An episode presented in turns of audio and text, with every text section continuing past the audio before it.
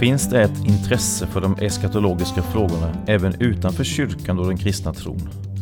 Ja, det verkar ju så. I alla fall om man dömer från det stora forskningsanslag som Riksbankens jubileumsfond nyligen gav till ett omfattande projekt om apokalyptiska föreställningar.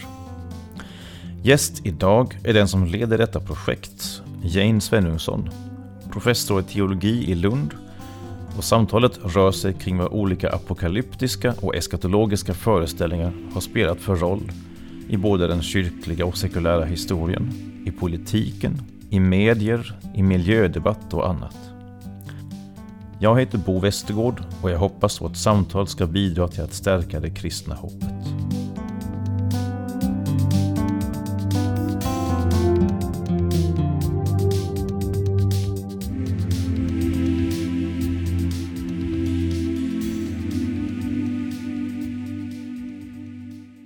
Välkommen Jane! Tack! Den här inspelningen gör vi i ditt kök i Lund där du är professor i teologi. Närmare bestämt i Systematisk, systematisk teologi. teologi. Mm.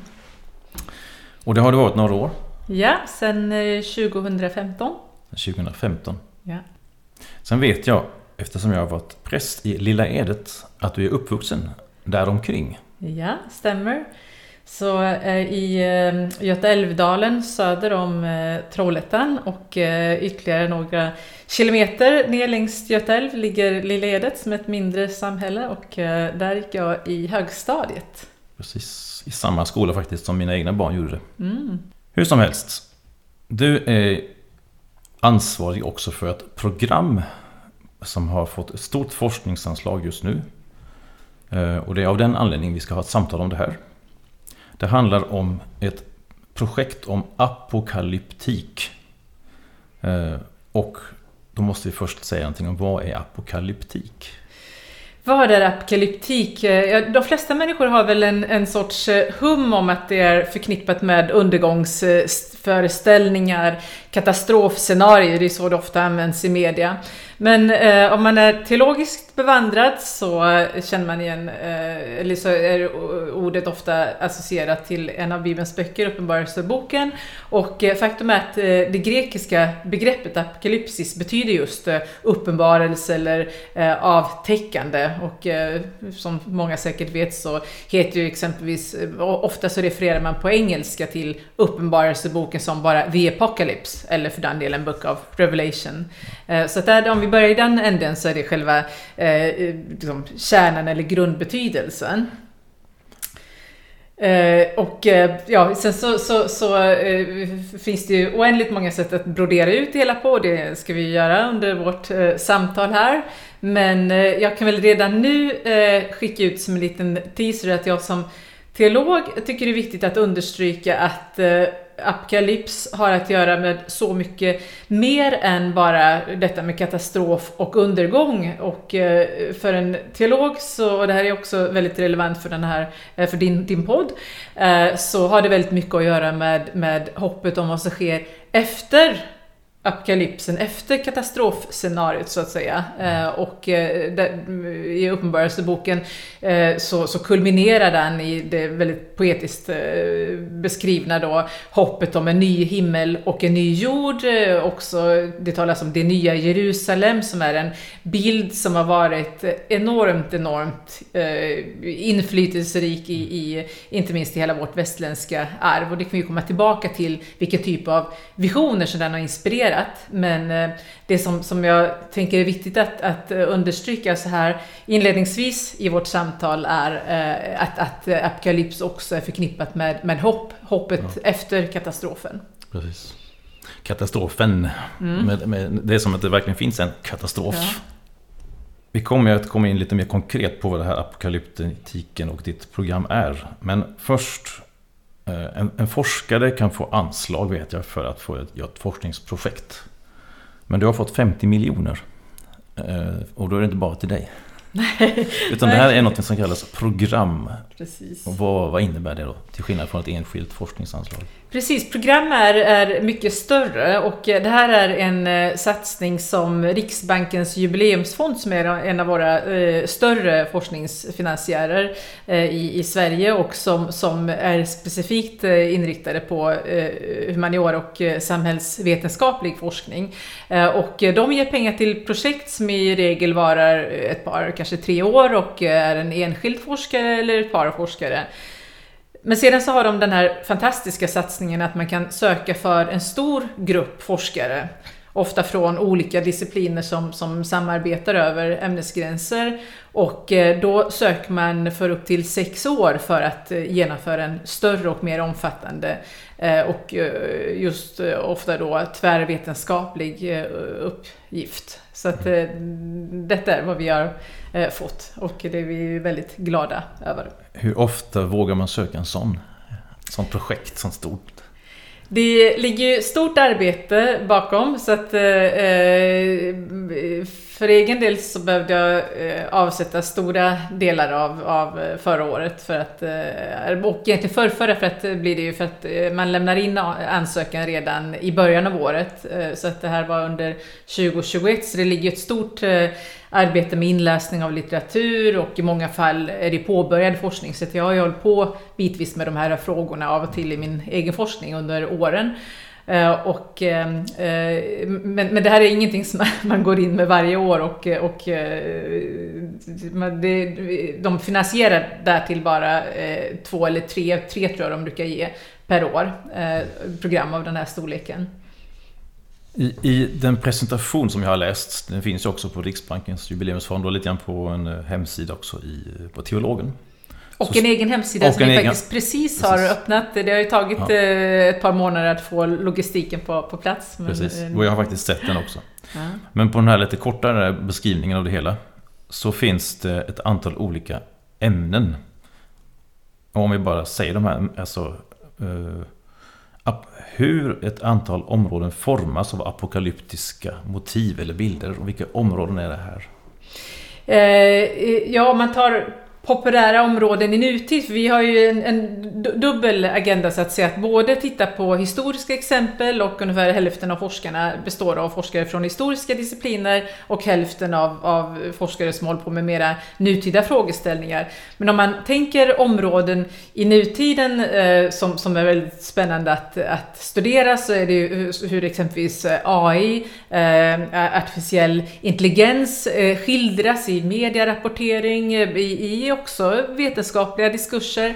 Eh, det handlar förstås om, om klimatkrisen, eh, eller klimatkatastrofen, vad man vill använda. Där är ju redan där kommer vi in på en forskningsfråga om vilken terminologi eh, man, man kan använda och kanske bör. Vi har också som fält som vi täcker in ehm, hela eh, den, den högernationalistiska utvecklingen i Europa och eh, annorstädes givetvis, men, men eh, det, som också av skäl som vi kan komma tillbaka till aktualiserar eh, gamla apokalyptiska bilder och, och tankefigurer.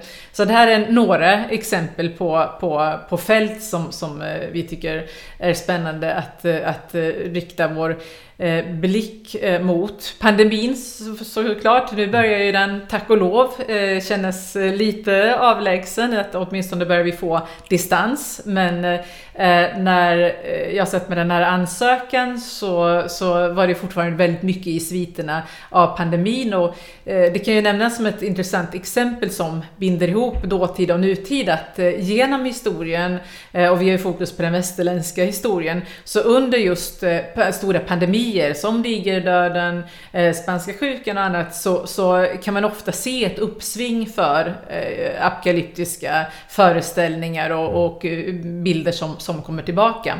Eh, föga förvånande kanske. Så att eh, även det utgjorde en, en given bakgrund. Mm. Och sen till, därtill så måste man ju lägga till det som eh, den förfärliga tragedi som har skett eller ägt rum efter att vi lämnade in ansökan, nämligen kriget i Ukraina och eh, även där har ju varit en, så, så, att säga ehm, eh, givet, inte tema, men, men eh, episoder såklart av krig genom mm. historien eh, mm. har ofta både underblåsts av och genererat nya apokalyptiska föreställningar. Mm. Men det, det, kunde vi inte förutse att det skulle komma eh, eh, när, när vi förberedde ansökan.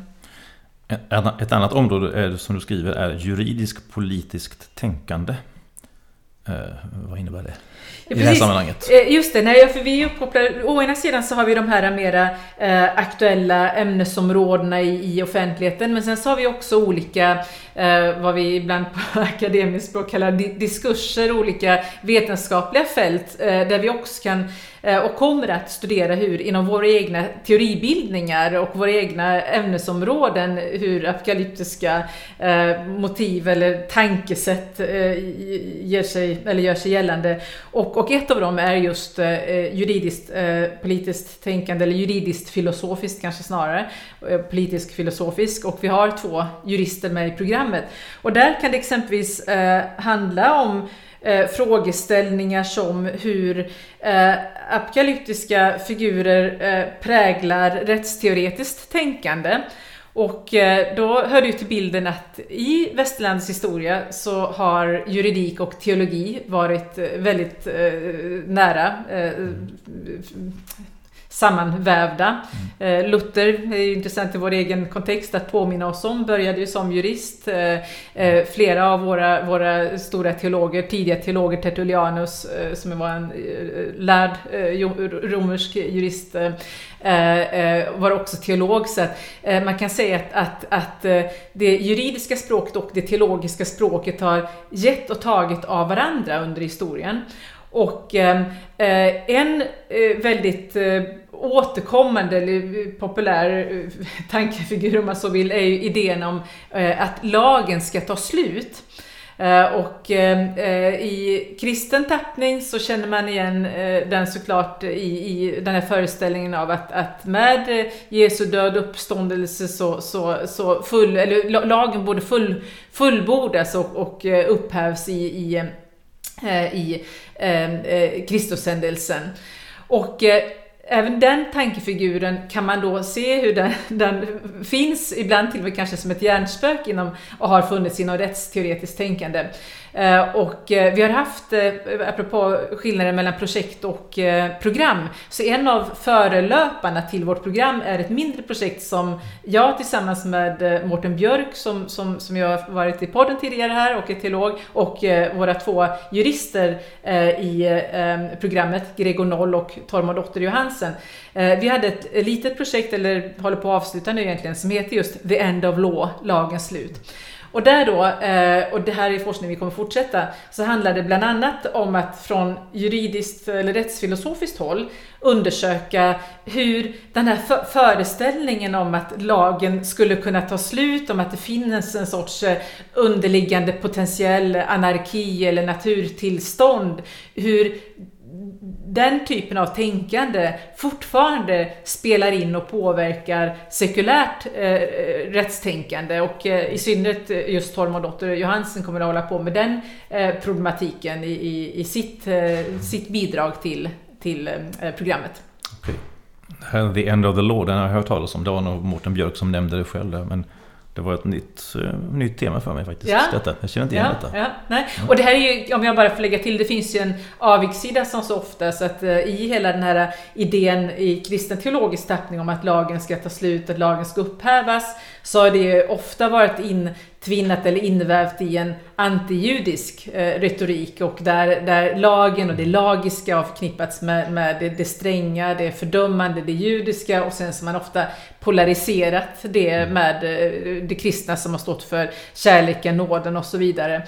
Eh, och eh, så ytterligare en ingrediens av att granska just den figuren, lagens slut, är ju att också ha den kritiska blicken på. För många av de här olika tankefigurerna kan ju både ha en fascinerande befriande potential, att det är någonting som låter väldigt befriande med lagets slut, lagens slut. Men eh, samtidigt så, så, finns det ju i de flesta fall av många av de här olika apokalyptiska eh, motiven en, en baksida och en problematisk verkningshistoria. Det kan vi också komma tillbaka till olika mm, mm. exempel.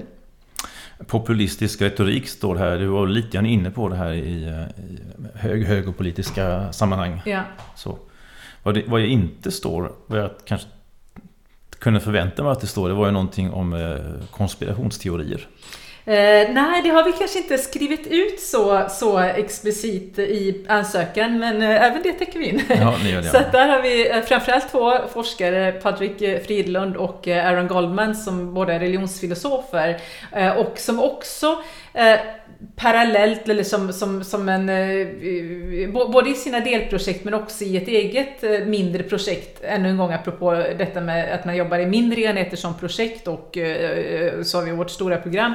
De har ett, ett pågående projekt om konspirationsteorier så att, så att givetvis så, så eh, skedde in jättetydligt i detta med olika former av eh, populistisk eh, retorik. Vi har också en eh, etnolog, Mia-Marie Hammarlin, som har jobbat och, och jobbar alltjämt med eh, djupintervjuer med eh, eh, vaccinationsmotståndare och olika idéer eh, som, som eh, eh, florerar eh, i, i sådana sammanhang och där finns det också tillstymmelse, eh, inte sällan då, till just konspirations teorier. Så att, eh, och också genom historien så, så är det ju eh, apokalyptiska föreställningar eh, har en tendens att bli konspiratoriska. Mm. Åtminstone tror jag under vissa omständigheter. Så det, det, det, finns absolut med som en given del av, av eh, vad vi kommer att syssla med och, och redan är igång att syssla med. Ja.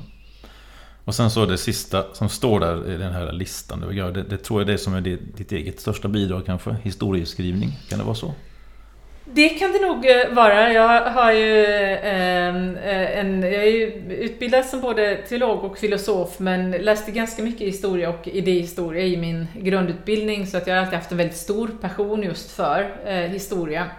Och inte minst historieskrivning. Ehm, där vi ju förstås försöker vara så nyktra och sakliga som, som eh, vi bara kan.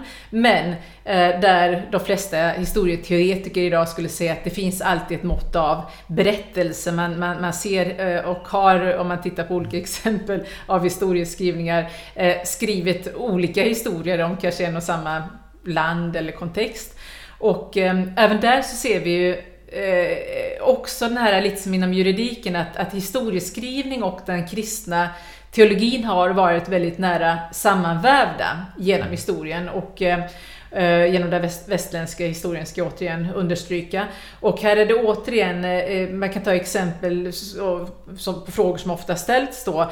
Finns det, eh, är det någon tillfällighet att just det moderna västerlandet har haft en så stor eller så stark progressionstro, framstegstro, en tro på det kommande perfekta samhället, vare sig vi talar om, om den mera godartade kanske idén om ett radikalt jämlikt samhälle eller, eller förfärliga avarter som, som eh, eh, Tredje riket och, och, nazismens föreställning om ett, ett klassrent, eh, eller förlåt, ett rasrent eh, samhälle.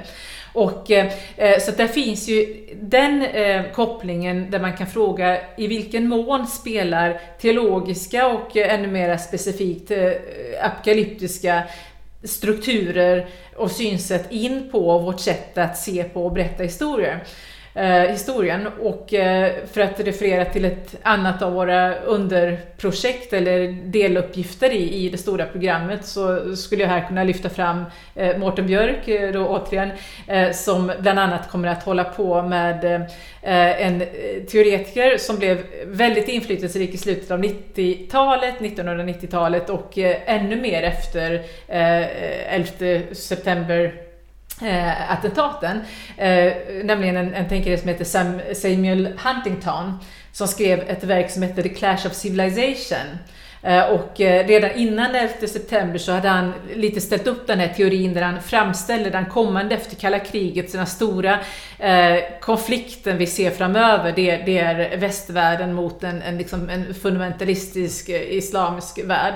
Eh, och eh, det här verket har både varit enormt inflytelserikt men också rönt väldigt mycket kritik för att man, man har ställt den här frågan eh, huruvida inte verket tenderar att upprepa gamla apokalyptiska troper, där, eh, eller tankefigurer, där eh, en väldigt eh, vanligt förekommande ingrediens från islams framväxt i Europa Eh, och Mellanöstern eh, under medeltiden eh, och framåt har varit just att framställa islam som det onda, demoniska, andra som, som så att säga ställs mot kristendomen. Så de har frågat hur mycket är det den typen av gamla föreställningar som, som göder Huntingtons historieskrivning? Och det här finns väl då, skulle jag säga, som en, en ingrediens i vad, vad Mårten exempelvis kommer att kika på. Och i samband med detta så vet jag att du har skrivit lite grann av Joakim av Fiore.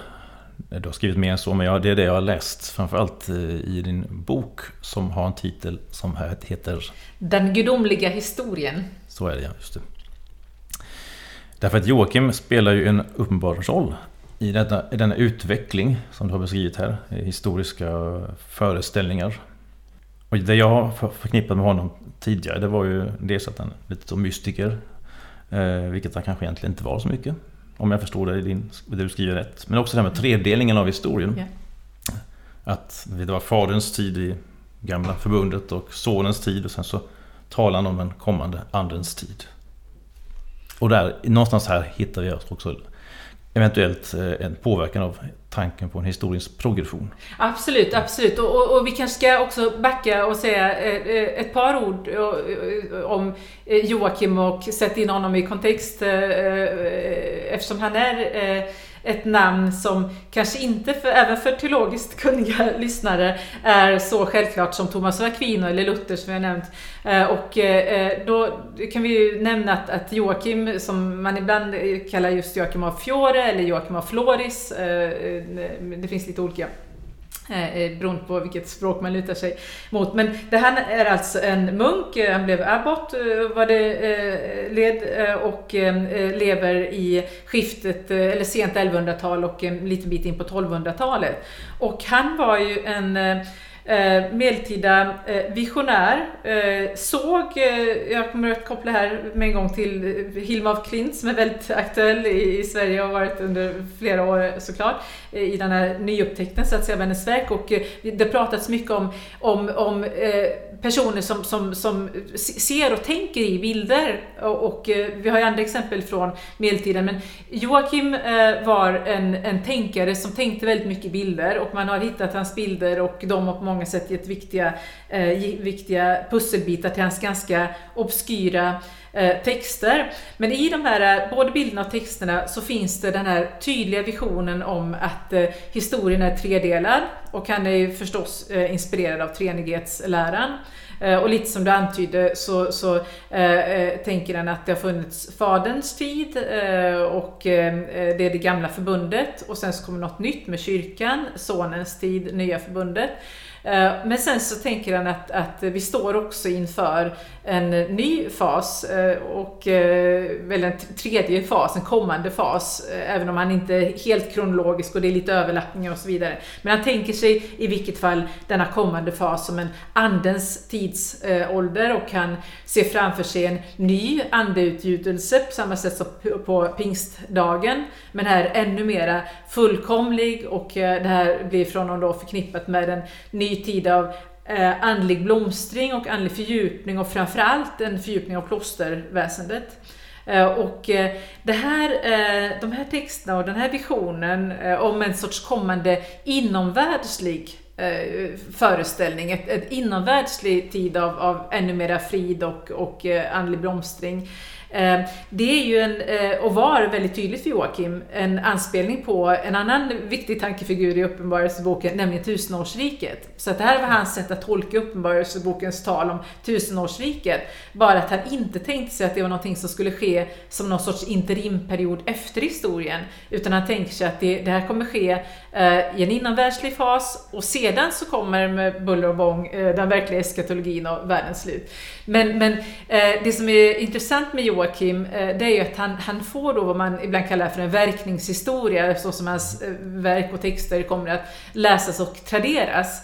Vad, vad innebär verkningshistoria? Ja, precis. Verkningshistoria är just det där att, att, att vilka verkningar, vilka efterverkningar har, har en författare, ett samling texter eh, och, och i Joakims fall så, så, så är det en oerhört fascinerande verkningshistoria för att även om Joakim själv var nog en ganska stillsam klostermänniska eh, eh, eh och han hade sin vision om det ideala klostret som var ganska hierarkiskt uppbyggt upp, eh, så ger han inspiration redan under senmedeltiden till radikala falanger inom framförallt franciskanerorden, eh, som tänder en grista som lever vidare också under reformationen, de mera radikala falangerna där, och in i modern tid, där precis den här idén om att, att, att, att ett sorts kom, kommande eh, framtida inomvärldsligt perfekt samhälle eh, är möjligt. Och eh, eh, Eh, där har Joakim både hyllats för och kanske mer radikala tänkare,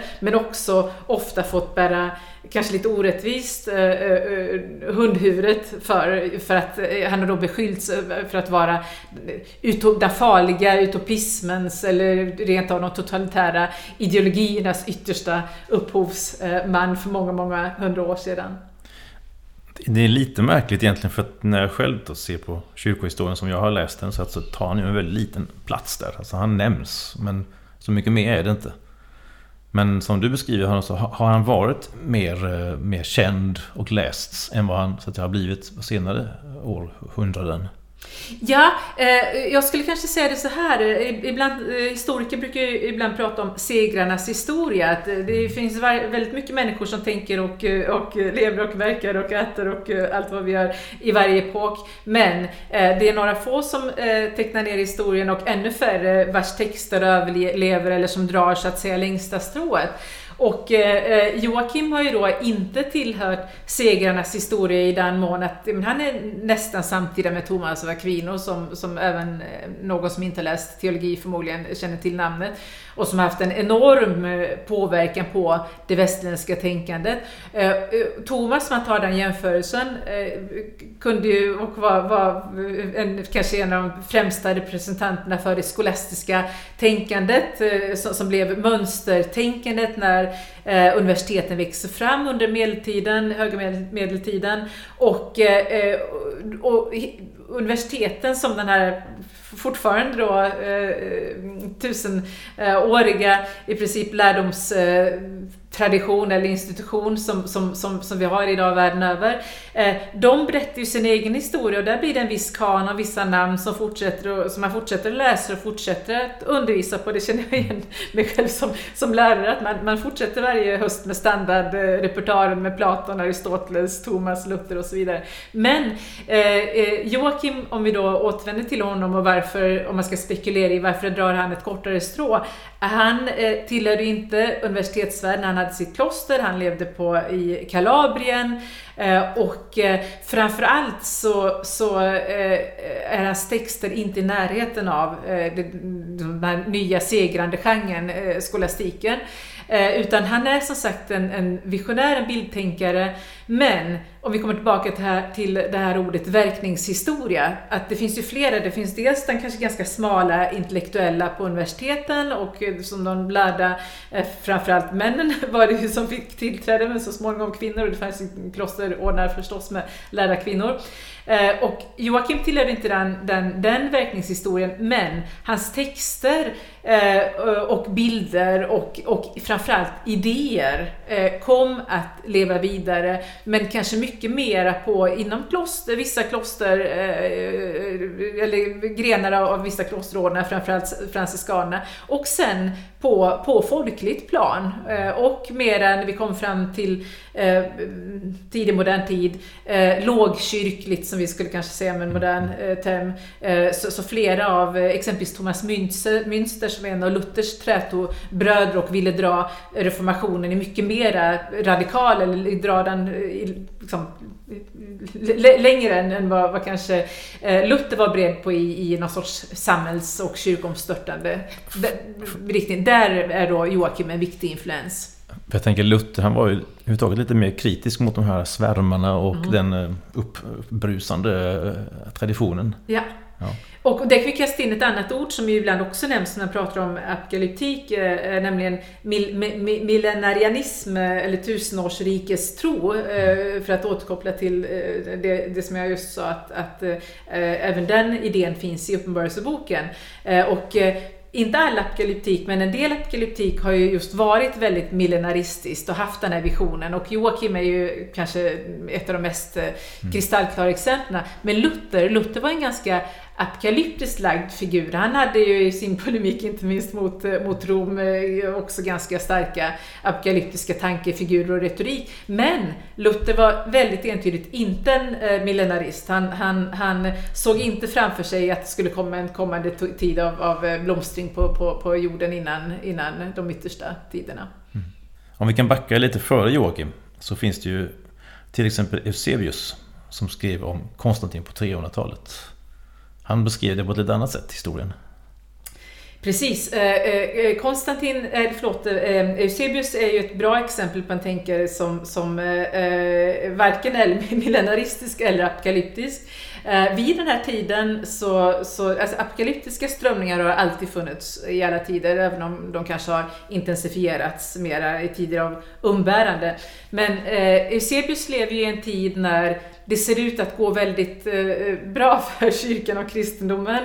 Eh, man har gjort resan från att vara en liten förföljd minoritet, en del skulle använda det till och med ordet sekt, men åtminstone en, en, en liksom, kanske underground-rörelse skulle vara mer rättvisande, till att på 300-talet till sist bli statsreligion i det här imperiet som det börjar knaka i fogarna men, men långt ifrån liksom, eh, att, att, att det är på väg att, eh, att braka samman.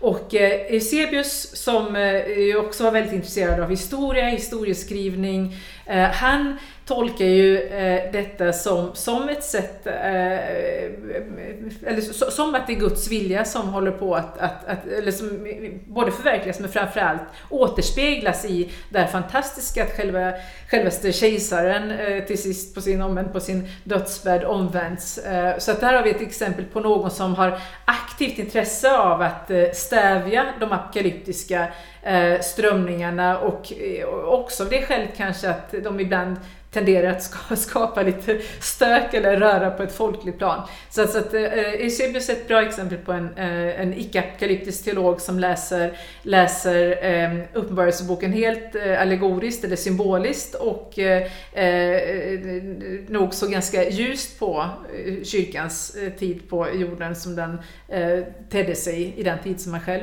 levde och ska vi vara lite ödmjuka för historien så kan man ju kanske säga att man, man kan då förstå det utifrån hans mm. perspektiv just där och då. Just det. Och sen så ganska snart därefter så kom Augustinus med en helt annan bild utifrån andra omständigheter också. Ja, och eh, Augustinus, där är vi nu återigen på segrarnas historia. Eh, kanske med rätta, jag är själv oerhört förtjust i Augustinus. Men Augustinus blir ju, eh, det här är ju intressant för att här, här visar vi hur, hur Eh, många olika schatteringar det finns i att eh, tänka liksom, kyrkans förhållande till historien. Men eh, Augustinus står från början ganska nära eh, Eusebius och han också en tydligt, eh, även om det finns några som skulle bestrida det, men merparten av forskare och historiker skulle säga att Augustinus också är ett väldigt tydligt exempel på en icke-apokalyptisk eller rent av anti-apokalyptisk eh, tänkare.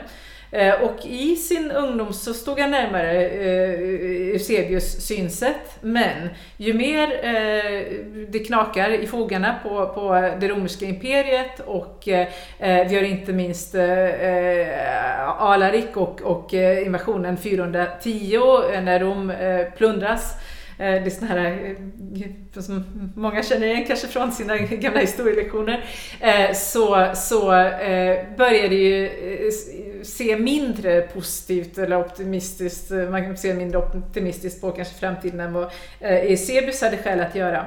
Och det här innebär också ett uppsving för apokalyptiska strömningar, föreställningar.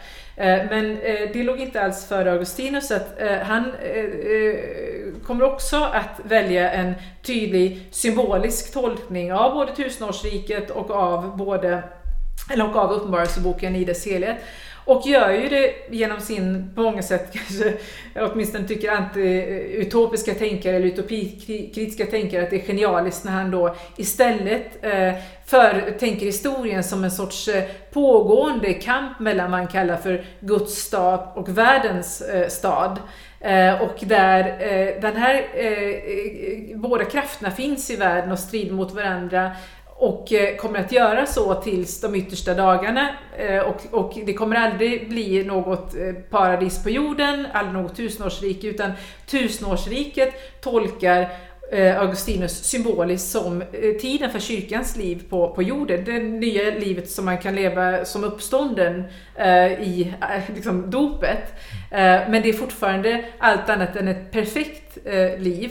Så att man skulle kunna säga att man då eh, kallar Augustinus för en antiutopisk eller realistisk tänkare som också med många moderna politiska teoretiker är förtjusta i att göra. Så är det just att Augustinus tillhandahåller en teologi som, som lär oss att, att leva med det i god mening halvfärdiga, som, som, som också är lite försiktig eller misstänksam mot tron på himmelriket på jorden. Att, att ibland kan vi kanske göra ganska farliga saker i, i, i, i, i vår iver att förverkliga detta perfekta samhälle. Men han tror inte människan är så perfekt. Vi kommer aldrig komma dit på den här sidan evigheten. Det är väl just det här du nyss nämnde som är av, av effekterna av Joakim också.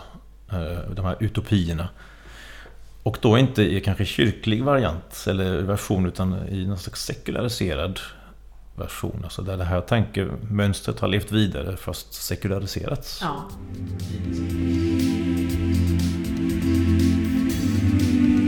Ja, precis. Och, där finns det ju väldigt mycket forskning eh, gjord. Eh, eh, och eh, eh, redan under den tyska romantiken så, så finns det tydliga spår av eh, Joakim, en tänkare som exempelvis Schelling, som är en av de stora romantiska och det skulle tolka honom som också en av de stora idealistiska tänkarna. Eh, han eh, nämner explicit eh, Källing, men, eller förlåt eh, Joakim, men överlag så, så är ju alla de här tänkarna väldigt fascinerade av en sorts tredelat eh, historieschema där man går från en ursprunglig harmonisk tid och sen så kommer en period av, av lite splittring, fas 2, och sen så tänker man den nya tiden av ett kommande bättre samhälle. Och, eh, eh, så det, det, finns under romantiken, men sen så känner vi, det, eh, känner vi såklart igen det från inte minst marxismen och, och eh, visionen, idén om, om, om ett klasslöst samhälle. Och eh, flera tidiga eh, kommunistiska tänkare, Engels inte minst, men också Karl Kautsky finns en annan viktig tänkare som också explicit knyter an och nämner Joakim, men då har man ju, då har historien eller snöbollen rullat så länge så att säga så att då har man ingen, det finns ingen direkt referens längre till hans texter som delvis glöms bort och återupptäcks senare. Eh, utan utan eh, eh, då, då, är det de här idéerna och det här begreppet om en andens tid, en kommande tid, ett egalitärt samhälle. Eh, återigen kommer vi tillbaka till ordet verkningshistoria för att då refererar man ofta tillbaka till just eh, Thomas Münster, Luthers trätobroder och, eh, och så har man gjort en, en konstruerat en historia av revolutionärer så att säga. Eh, och, eh, så där, där finns, ju, finns det ju absolut en, en sorts eh, en koppling. En del skulle jag också dra kopplingen och de som då är väldigt kritiska mot revolutionärt tänkande har ju ibland försökt också härleda hela begreppet tredje riket som ju inte, det, det finns ju svang redan innan Eh, innan eh, nazisterna eh, och den regimen gör bruk av det. Men, men i ofta högerradikala eller åtminstone konservativa kretsar. Men, men även, och där har man då också försökt visa att det här var inspirerat av Joakim, men det har varit svårare att, att, att leda i, i bevis. Och återigen har vi med såna enormt komplexa just verkningshistorier där idéer till sist får egna ben så att säga. Och ibland är det en ödets är just att, att denna förmodligen ganska stillsamme munk på 1100-talet som hade, som jag sa tidigare, en ganska elitistisk syn på det perfekta eh, klostret där de mest andligt mogna skulle vara de som styrde helheten och så vidare. Eh, att att eh, han då eh, har både hyllats och beskyllts som upphovsman för revolutionärt eh, tänkande på både höger och vänsterkanten. En väldigt stor skillnad mellan hans sätt att, att tänka det här kommande och det som sen blev det sekulära, det var väl ändå att eh, för honom var det andens ingjutan i människan som skulle göra alltså ett Guds verk helt och fullt. Absolut. Och inifrån kommande Medan det andra var att vi ska, vi ska tillverka den goda ja. världen själva. Exakt, exakt. Ja. Så det, dels det och eh, sen en sak som ju också helt eh, förbises när man, man eh, lite slarvigt eh, eh, beskyller eh, Joakim för att ha, ha velat eh, förverkliga himmelriket på, på jorden eh, är ju att, att det här stod ju inte i kontrast till eh, tron på, på den yttersta domen och den yttersta, han, han trodde ju fortfarande att den här historien kommer att gå i graven och, och efter den här tiden av, av ökad andlig blomstring och andens tid och, och hans, hans vision av tusenårsriket, då kommer den yttersta eh, domen världens, eh, historiens slut i någon sorts liksom verkligen kosmisk mening eh, och därefter börjar, ja, mm. återigen det nya Jerusalem eller vad han nu eh, tänkte sig. Mm. Om vi då återvänder till ditt projekt, eller ditt och ditt, men det som du leder i alla fall, program för att vara korrekt. Eh, har du några tankar redan nu så här i alldeles inledning på vad som kan framkomma i det här projektet? Vi hoppas ju att eh, väldigt, väldigt mycket ska framkomma, men jag skulle eh, eh, nästan börja med att, eh, eller vilja börja med att säga att, att jag tror att mycket av den bästa forskning som bedrivs, i synnerhet i vår typ av discipliner, är forskning som inte bara genererar färdigpaketerade svar utan, utan också mera eh, frågor och, och eh, syftar till att visa på komplexiteten och, och att skapa en ökad förståelse av komplexiteten av olika fenomen. Eh, och en väldigt tydlig ambition som vi har, och, eller snarare kanske en, en premiss eller förutsättning som vi skriver in, det är att, att vi har inte på förhand eh, bestämt oss för eller har någon teori om att apokalyptik i sig är, är livsfarlig och problematisk och någonting som vi ska eh, syfta till att bekämpa. Så att vi hoppas med, som om vi skulle hoppas med vårt program att ha avskaffat apokalyptiska föreställningar eller vilja bidra. Men inte heller å andra sidan, för det finns en del tänkare som bara förstår apokalyptik som något som är befriande, radikalt, eh, emancipatoriskt. Eh, och, eh, och, och, lika lite så vill vi lägga oss i det diket så att säga från början. Utan vår utgångspunkt och som jag tror att vi kommer att hålla fast vid är att, att det, det, är ett otroligt mångbottnat fenomen. Tittar vi på det i historien så ser vi att apokalyptiska föreställningar har kunnat skapa totala eh, kaos eh, och, och eh, människor har farit illa och så vidare. Eh, men vi kan också hitta många intressanta exempel på när det just har fungerat som en, en, en, en hoppingivande kraft. Ehm, eh, apartheidregimen i Sydafrika är ett närliggande exempel när Uppenbarelseboken lästes av, av, och kommenterades av flera viktiga gestalter i, i befrielsekampen, Alan Buzak exempelvis. Eh, och, och då skulle jag vilja säga att, att det vi kanske ytterst hoppas med vårt eh, program, det är att eh, eh, kunna vara kvar i den här, att erkänna den här ambivalensen eh, men fördjupa förståelsen för komplexiteten genom att kunna, eh, exempelvis genom just historiska exempel, eh, visa på eh, kontexter, eh, tider, platser, eh, situationer när det har gått riktigt snett. Eh, Eh, och kunna fråga, fundera över vad, vad, vilka faktorer är det som triggar och gör att eh, apokalyptiska föreställningar kan bli väldigt destruktiva. Och på motsvarande sätt kan vi titta på goda exempel, när har de kunnat fungera på ett, eh, som en väldigt nästan demokratifrämjande kraft. Så att mer att, att ställa den här typen av fördjupade frågor, det, det är väl vår yttersta förhoppning. Um, har ni några särskilda målgrupper som ni tänker ska få ta del av det här? Ja, eh, givetvis. Och där eh, och så, så, är det väl med egentligen all forskning i, idag att det finns en förväntan eh, både från oss själva och från Eh, finansiärer att, eh, att man ska nå ut på många olika plan eh, parallellt. Så att eh, givetvis kommunicerar vi in i forskningsvärlden, djupforskning, internationella konferenser, artiklar och så vidare till, till andra forskare och, och där vi redan nu håller på att bygga upp ett ganska brett nätverk av, av forskare som också håller på vid andra universitet med liknande frågeställningar. Eh, också till kommande generation. Vi är redan nu uppkopplade på kurser eh, som aktualiserar de här eh, motiven för studenter på olika universitet och eh, där ska vi eh, utveckla ännu flera kurser. Eh, men sen eh, framförallt till, till offentligheten, till beslutsfattare till journalister så hoppas vi ju verkligen att kunna eh, redan under tiden som vi håller på med projektet att nå ut med eh, och tillhandahålla eh, kunskap för att förhålla sig till, till återigen den här komplexiteten och öka förståelsen.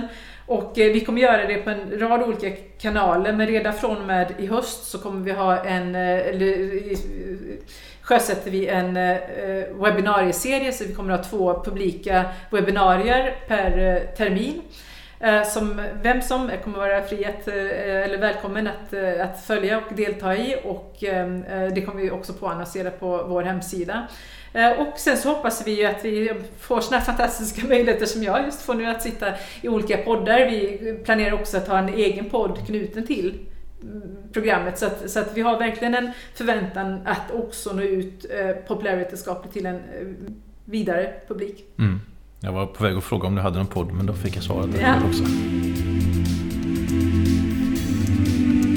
Då undrar man ju förstås också lite här med Riksbanken då som genom sitt eh, bidrag eller vad tror du att de är ute efter? Eller var, varför, hur motiverar de att de ska ge det här stora anslaget?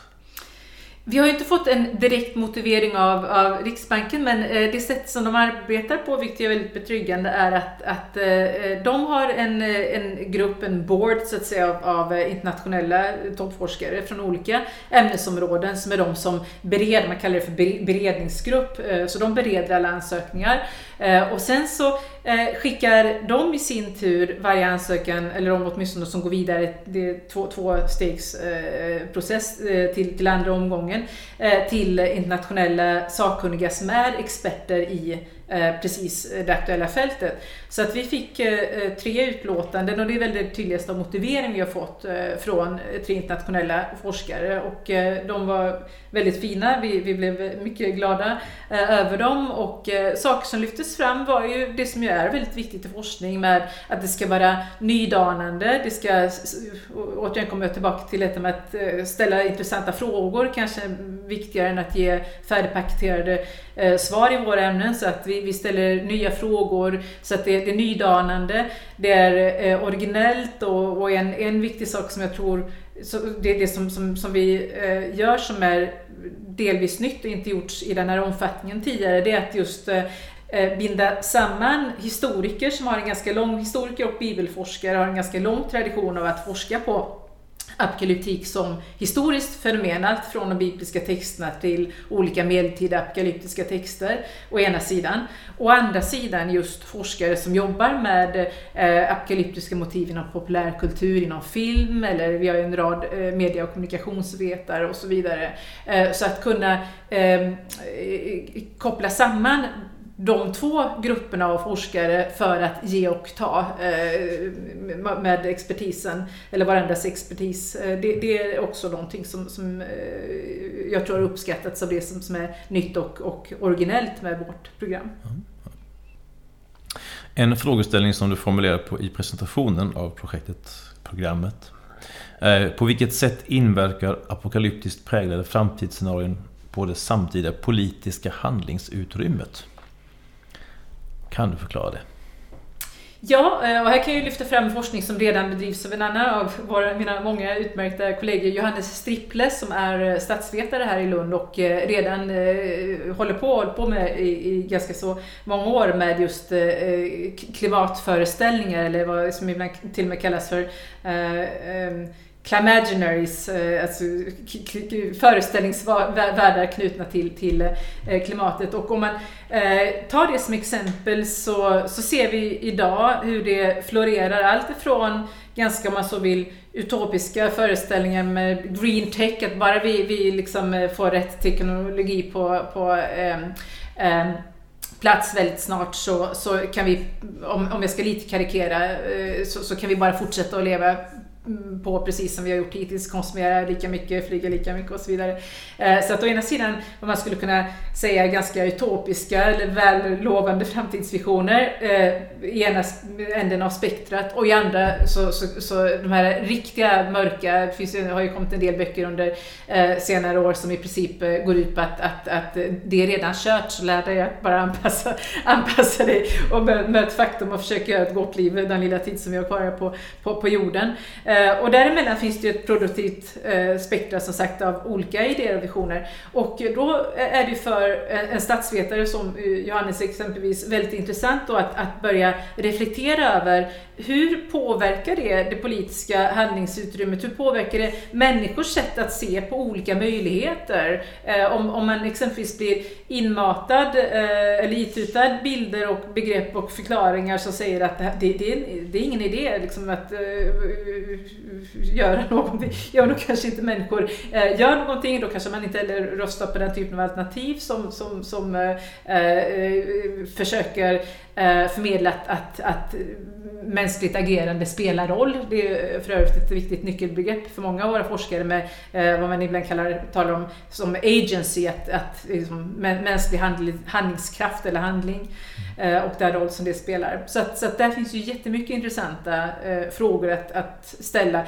I nuläget kanske mera frågor än, än färdiga svar, men, men vi, vi, hoppas ju givetvis att, att komma med svar också och, och, eh, preliminära, åtminstone hypoteser om saker och ting. Mm. Jag tänker på Greta Thunberg som en, mm. åtminstone en känd person ja, i sammanhanget. Jag har ibland använt henne faktiskt i predikningar i, ja. på domedagen. Domsöndagen menar jag, inte domedagen. Uh, för att hon talar mycket om att hennes generation, eller vi, kommer aldrig att förlåta er. Nej. Alltså att hon och hennes generation ser hon som så att säga, domaren över vår generation. Ja, ja. Till skillnad från det kristna, där ser det som att Gud är domaren. Ja. Tack och lov. Ja. att det inte är våra barn som ska döma oss. Nej, precis. precis. Um, men i samband så har jag också funderat på uh, varför det inte nämns någonting om psykologi. Katastrofpsykologi. För jag vet att det var en, en norsk klimatpsykolog som kommenterade Gretas sätt att tala och ge henne råd för vad, man, vad som är bättre att göra än vissa saker hon gjorde. Ehm, men det finns inte med i projektet. Är det för att det inte rör sig inom psykologi och beteendevetenskap? Ja, eh, det, det kan man väl säga. Och, eh, eh, och det, det, är egentligen enbart, enbart en avgränsningsfråga. De här 50 miljonerna och 22 forskarna är ju redan bland de större anslag som, som RJ har, har, eller Riksbankens jubileumsfond har, har delat ut. Och hade vi fått ytterligare 50 miljoner så hade vi gärna plockat in ett 20-tal forskare till, fast då kanske kanske hade blivit svårt att, att hålla samman å andra sidan. Nej men bara, det bara för att säga att, att, att eh, psykologiska eh, aspekter på det här är, är eh, otroligt viktigt och fascinerande. Eh, men i den här eh, redan rika eh, urvalet av forskare från många olika discipliner så var det en del som inte täcktes in eh, och psykologi tillhör de, som, de aspekter och discipliner som hade varit oerhört relevant. Sociologi en annan, vi har ingen sociolog med i projektet. Det finns en rik och långvarig tradition tradition av sociologisk forskning på olika apokalyptiska rörelser. Eh, lite pinsamt tycker vi nästan, så har vi ingen litteraturvetare annat än bibelvetarna som, som ju eh, såklart är eh, på många sätt litteraturvetare. Men det finns ju eh, väldigt mycket forskning på, på apokalyptiska motiv i eh, nutida och historisk för den delen litteratur. Man skulle kunna sträcka eh, det ännu mer åt naturvetenskapligt håll och, och medicinskt håll och eh, det finns ju neurovetenskaplig forskning på vad som eh, exempelvis gör vissa eh, liksom personer mer disponibla att fastna för konspirationsteorier eller, eller eh, eh om man vill använda ordet apokalyptiska föreställningar. Eh, och ehm, eh, det här tillhör det då som inte täcks in av i vår forskningsgrupp. Men där kommer man ju till det här fantastiska att universitetet som man nästan hör på namnet, det är ju ett universum och eh, vi är hela tiden uppkopplade mot ett större universum av forskning. Och kommer, eh, och som jag redan nämnde, redan är på väg att eh, eh, samarbeta med andra pågående program och projekt med forskare nationellt och kanske ännu mer internationellt. Och, och då, då, är det fiffiga med det här universumet att, att, alla kan inte göra allt, varje liten enhet och grupp kan inte göra allt, men då kan vi haka i andra forskare som, som ehm, eh, täcker in de här kompetenserna. Och sen så är ju det, det viktiga och centrala är ju att att vi eh, tillsammans som den liksom, globala kommunitet man är som forskare kan eh, bidra till fördjupad förståelse från många olika eh, perspektiv till själva frågan eller fenomenet.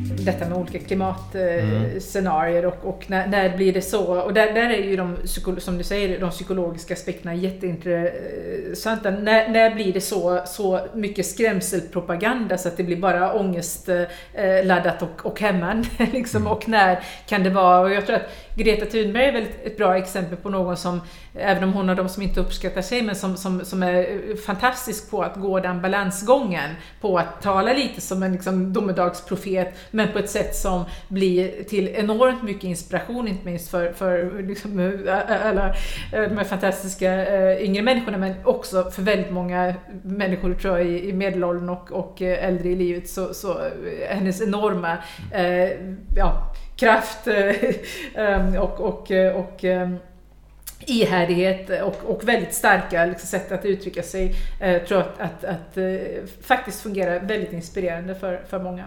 Mm. Jag är präst. Vad skulle du rekommendera, råda präster till när det gäller eh, apokalyptiska bilder och sånt? Skulle jag råda präster till? Eh, att, att absolut inte sky Uppenbarelseboken och att inte sky den här delen av teologin. För att det, finns, det har funnits eh, och finns väl lite eh, inom akademisk teologi, eh, åtminstone i modern tid, en lite ovilja att, att författa sig med de, här, de yttersta frågorna, eskatologi, apokalyptik och så vidare. Det finns ju några undantag. Jürgen Moltmann, ett namn som många, många präster eh, skulle känna igen från, från, från eh, sin utbildning som en av de stora eh, nutida teologerna som har på mycket med de här frågorna. Men, men jag, jag eh, eh tycker tvärtom att, eh, att eh, det finns så otroligt mycket att, att hämta. Eh, både, återigen kommer jag tillbaka till detta tveeggade, att, att både att ha en sorts, eh, att sitta inne, för det gör man ju ändå som präst har man ju en eh, högre, liksom, fått, fått privilegiet att, att bilda sig i det bibliska eh, arvet kanske mer än, än vad snittmedborgaren eh, får chans att göra sig. Och då tänker jag att då kommer det lite ett ansvar med att man besitter det bildningskapitalet. Så att, att dels att kunna ha kunskap om den farliga farliga potentialen som ligger i en del av de här eh, bilderna och det här arvet. Exempelvis när det kommer tillbaka i en eh, högernationalistisk retorik och en viss typ av antijudiska eller antimuslimska eh, eh, figurer, bilder som, som vi känner igen från vår historia, från apokalyptikens historia långt ner i medeltiden. Så att både kunna vara den eh, konstruktiva kritiska röster som kan visa att det här finns, eh, det här är liksom delvis dynamiskt på ett farligt sätt. Men sen så å andra sidan eh, eh, att då också kunna se, där jag, det första som jag vill lyfta fram och som jag gärna kommer tillbaka till, att det här också är och har varit i alla tider ett hoppets språk. Det, det, är liksom det är visionen om den nya den nya jorden, det nya Jerusalem och, och om jag, jag nämnde ju för en stund sedan Ellen Alan eh, Sydafrika och Alan Busek eh, som ju var och är både präst och, och apartheid eh, eh, motståndare, kämpe. Eh, han, han kom ofta tillbaka till just begreppet att det nya Jerusalem som att kunna tänka någonting bortom eh, Pretoria, som han sa rakt ut, bortom eh, den förtryckande nutidskontexten och han drog också parallellen till Johannes eh, av Patmos som han benämner eh, författaren till, Johannes, eh, eller till Uppenbarelseboken som ju skriver i det romerska imperiet i en också situation av förtryck, eh, av liksom, att leva och känna av baksidorna av, av en, en viss regim. Eh, och eh, eh hur då den här litteraturen, Bosek talar till mig om Uppenbarelseboken som en sorts underground protest literature. Eh, och det är så han läser den. Och, och visar hur det här hoppet som finns i slutet av Uppenbarelseboken faktiskt kan vändas till något väldigt produktivt här och nu. Och, eh, eh Sydafrika är ju långt eh, ifrån problem, problemfritt idag men, men vi har ju ändå den ljusa historien att just eh, apartheidregimen faktiskt fick sitt slut. Mm.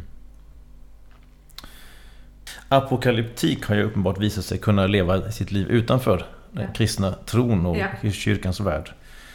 Men om man vänder på det, på vilket sätt är den kristna eskatologin inte apokalyptisk? Ja, men det är en väldigt bra fråga om vi verkligen ska peta i de här olika många begreppen, millenarism, apokalyptik, eskatologi. För att eh, precis som apokalyptiken kan leva sitt eget liv utan, utan kyrkan och, och Bibeln och så vidare, och få, eh, apropå idéer som får egna fötter och, och vandrar iväg, eh, så, så kan man ju säga att väldigt stora delar av kristendomen eh, och flera av de mest namnkunniga teologerna, varav jag i synnerhet har lyft fram då Augustinus, var tydligt eh, antiapokalyptiska men eh, eh, hade en självklar eskatologi. Så att man kan ha en eskatologi, en tro på att, att tiden, historien allt kommer att få ett slut och eh, hopp att någonting finns efter eh, detta. Eh, och, eh, men den behöver inte vara apokalyptisk. Så att apokalyptiska är mer att man har det här liksom, dramatiska eh, språket, bilderna eh, och som man kanske umgås med redan eh, i tolkningar av olika eh, fenomen här och nu. Och eh, Augustinus har sagt är ju då ett exempel på, på en teolog som, som inte alls eh, var lagd åt det hållet men hade en tydlig eskatologi. Och eh, eh än en gång segrarnas historia. Augustinus eh, är ju och har förblivit en av den, framförallt västkristna kyrkan, ska man säga, eh, kyrkans absolut mest inflytelserika tänkare och teologer. Så att på många sätt så har ju eh, Augustinus icke-apokalyptiska tolkning av kristendom kanske mera jordnära, mera realistisk på många sätt varit den som har blivit ja, mainstream. Mm. Och sen så har det hela tiden kommit, vi, exempel i nutid är ju um, eh, nordamerikansk evangelikal kristendom som, som ju eh, ofta kan vara väldigt apokalyptisk. Eh, men det, det, är då ganska kanske långt ifrån en mera augustinsk form av kristendom. Ja, verkligen. Det är ju onekligen ändå ett teologiskt begrepp vi pratar om här, apokalyptik och domedagsföreställning och allt sånt. Men finns det något särskilt värde med att ha det tvärvetenskapligt? Ja, och jag skulle nog säga att, att äh, apokalyptik äh, verkligen tillhör den typen av teman som, som vinner och berikas på ju flera kockar i soppan så att säga. Äh, och Eh, man skulle bara kunna ta ett konkret exempel på vad, vad mervärdet är, vad, vad vi kommer att kunna se och studera tillsammans som man inte hade gjort om jag bara hade suttit med mina kollegor i systematisk teologi eller om, om, om eh, mina kollegor i media och kommunikationsvetenskap bara hade kunnat sitta med varandra och så vidare. Så om vi tar ett, ett, ett, tema som, som den yttersta domen. Den finns redan i Uppenbarelseboken Eh, och eh, vi har eh, en, en rad bibelforskare, både hebreiska bibeln, kristendomens gamla testamente, Nya testamentet och Qumran-litteraturen som ju också tillhör de här viktiga antika textsamlingarna för, för vårt hänseende. Hur som helst, vi har den expertisen och om man då följer motivet den yttersta domen så ser man hur om vi går till eh, medeltida kyrkomålningar eh, så är eh, yttersta domen ett av de vanligaste motiven. Och där har vi en medeltida konst, eller en konsthistoriker, Lena Lipe, med fokus på, på medeltida kyrkokonst. Eh, och när hennes kompetens då och reflektioner kring vad det har inneburit att människor generation efter generation inpräntats visuellt med de här bilderna. Eh, eh, att när hon då dels ska se det mot bakgrund av djupkunskap i hur motivet från början växte fram i de antika texterna Sen ska man å andra sidan peka fram till nutid och där har vi också en rad forskare som kommer att eh, syssla med hur eh, domsdagsmotivet eh, genljuder både visuellt, i populärkultur, i filmer. Varför är vi så besatta i vår del av världen vid, vid domsscenarier, katastrofscenarier, så mycket populärfilm?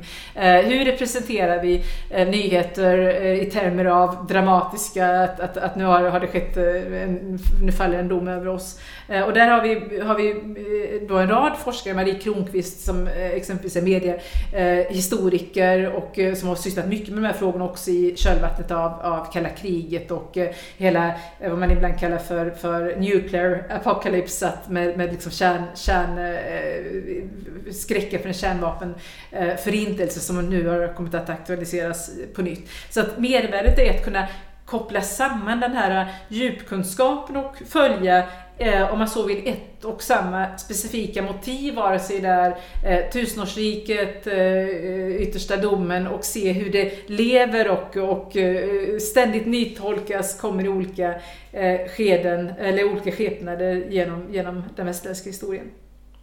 Mm. Och om man vill ta del av det här som ni forskar så behöver man inte vänta tills ni är helt färdiga utan man kan följa det på hemsidan antar jag? Ja. Som är på vilken adress då? Eh, end of the world eh, som ett ord, .lu.se. Endoftheworld.lu.se. Ja, och där hittar man eh, eh, både, både kurser, eh, våra publikationer och och seminarier när de kommer igång, webbinarier. Och man kan också teckna upp sig där på vårt nyhetsbrev om man vill följa eh, vår forskning längs vägen. Och då får jag verkligen önska allt gott för den ganska långa resan som trots allt har börjat gå, nu. Stort tack!